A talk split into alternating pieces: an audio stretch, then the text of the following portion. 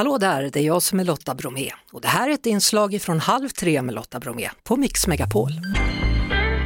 En glad, god nyhet ska vi ta del av nu. Du lyssnar på Halv tre här på Mix Megapol. Mat för 500 personer som verkligen behövde det förstördes på Örebros Stadsmissions matcentral. Men det fick ett lyckligt slut tack vare örebroarna. Med oss nu verksamhetsledare Johan, Jonas Andersson, välkommen! Tack så mycket! Ja du Jonas, vad var det egentligen som hände? Var det ett sabotage?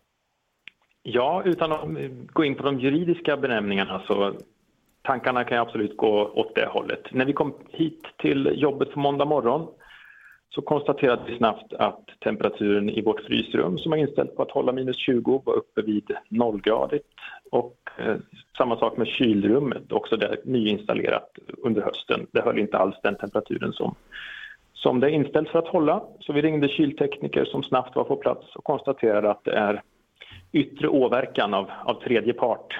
Det har alltså stängts av utifrån och det är inte av oss i personalen. Så sabotage är väl absolut ett begrepp man kan använda.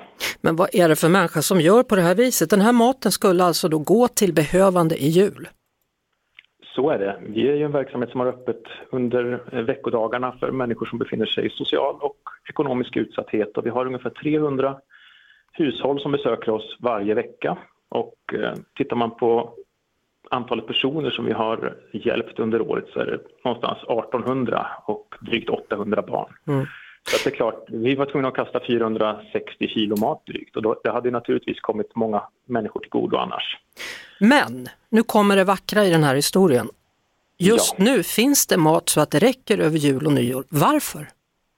Ja, vi har ju lagt ut en text på vår Facebook eh, i måndags kväll tror jag det var, vi tryckte på knappen. Och det dröjde ju inte länge förrän det började klirra i både Swish och eh, otroligt många delningar på den här texten, 600. Alla våra partners, samarbetspartners, donatorer och telefonen har ju gått varm sedan dess. Vi har fått gåvor i form av insamlade medel, julgåvor ifrån olika företag. De slantar upp 10 000 här, 10 000 där. Aktörer inom branschen, livsmedelsbranschen har varit här med extra donationer. Vi har fått allt ifrån liksom, ett och ett halvt ton kylvaror från Arla, 450 kilo korv ifrån Littells, mm. två lastpallar med många hundra kilo risgrynsgröt från Orkla. Så, då... att, eh, jul och nyårshelgerna är definitivt räddade för våra, ja. våra gäster. Vad ja. härligt, nu kan ni till och med hjälpa ännu fler då. Absolut, så är det. Det kommer bli lite guldkant till och med innan jul här. Mm. Absolut. Och sätt gärna upp en kamera då så att ingen kan förstöra en gång till. Absolut, det, det, det, kan vi göra. Men vad härligt hörru att det ändå var ett lyckligt slut på det här och stort tack till alla ja. som har reagerat och hjälpt till då, för det behövs väl kanske mer än någonsin ja, just i år. Ja. Så är det, det är tuffa tider så att jättetack från oss alla till alla som har ställt upp. Tack så mycket Jonas Andersson. Tack för det. God jul!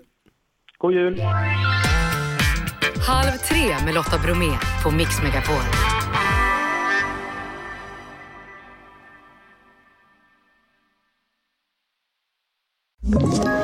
Ett poddtips från Podplay. I podden Något Kaiko garanterar östgötarna Brutti och jag, Davva, dig en stor dos skratt.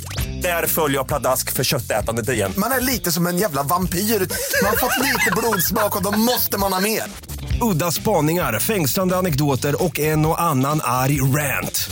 Jag måste ha mitt kaffe på morgonen för annars är jag ingen trevlig människa. Då är du ingen trevlig människa, punkt. Något kajko, hör du på podplay. Därför är gardinerna.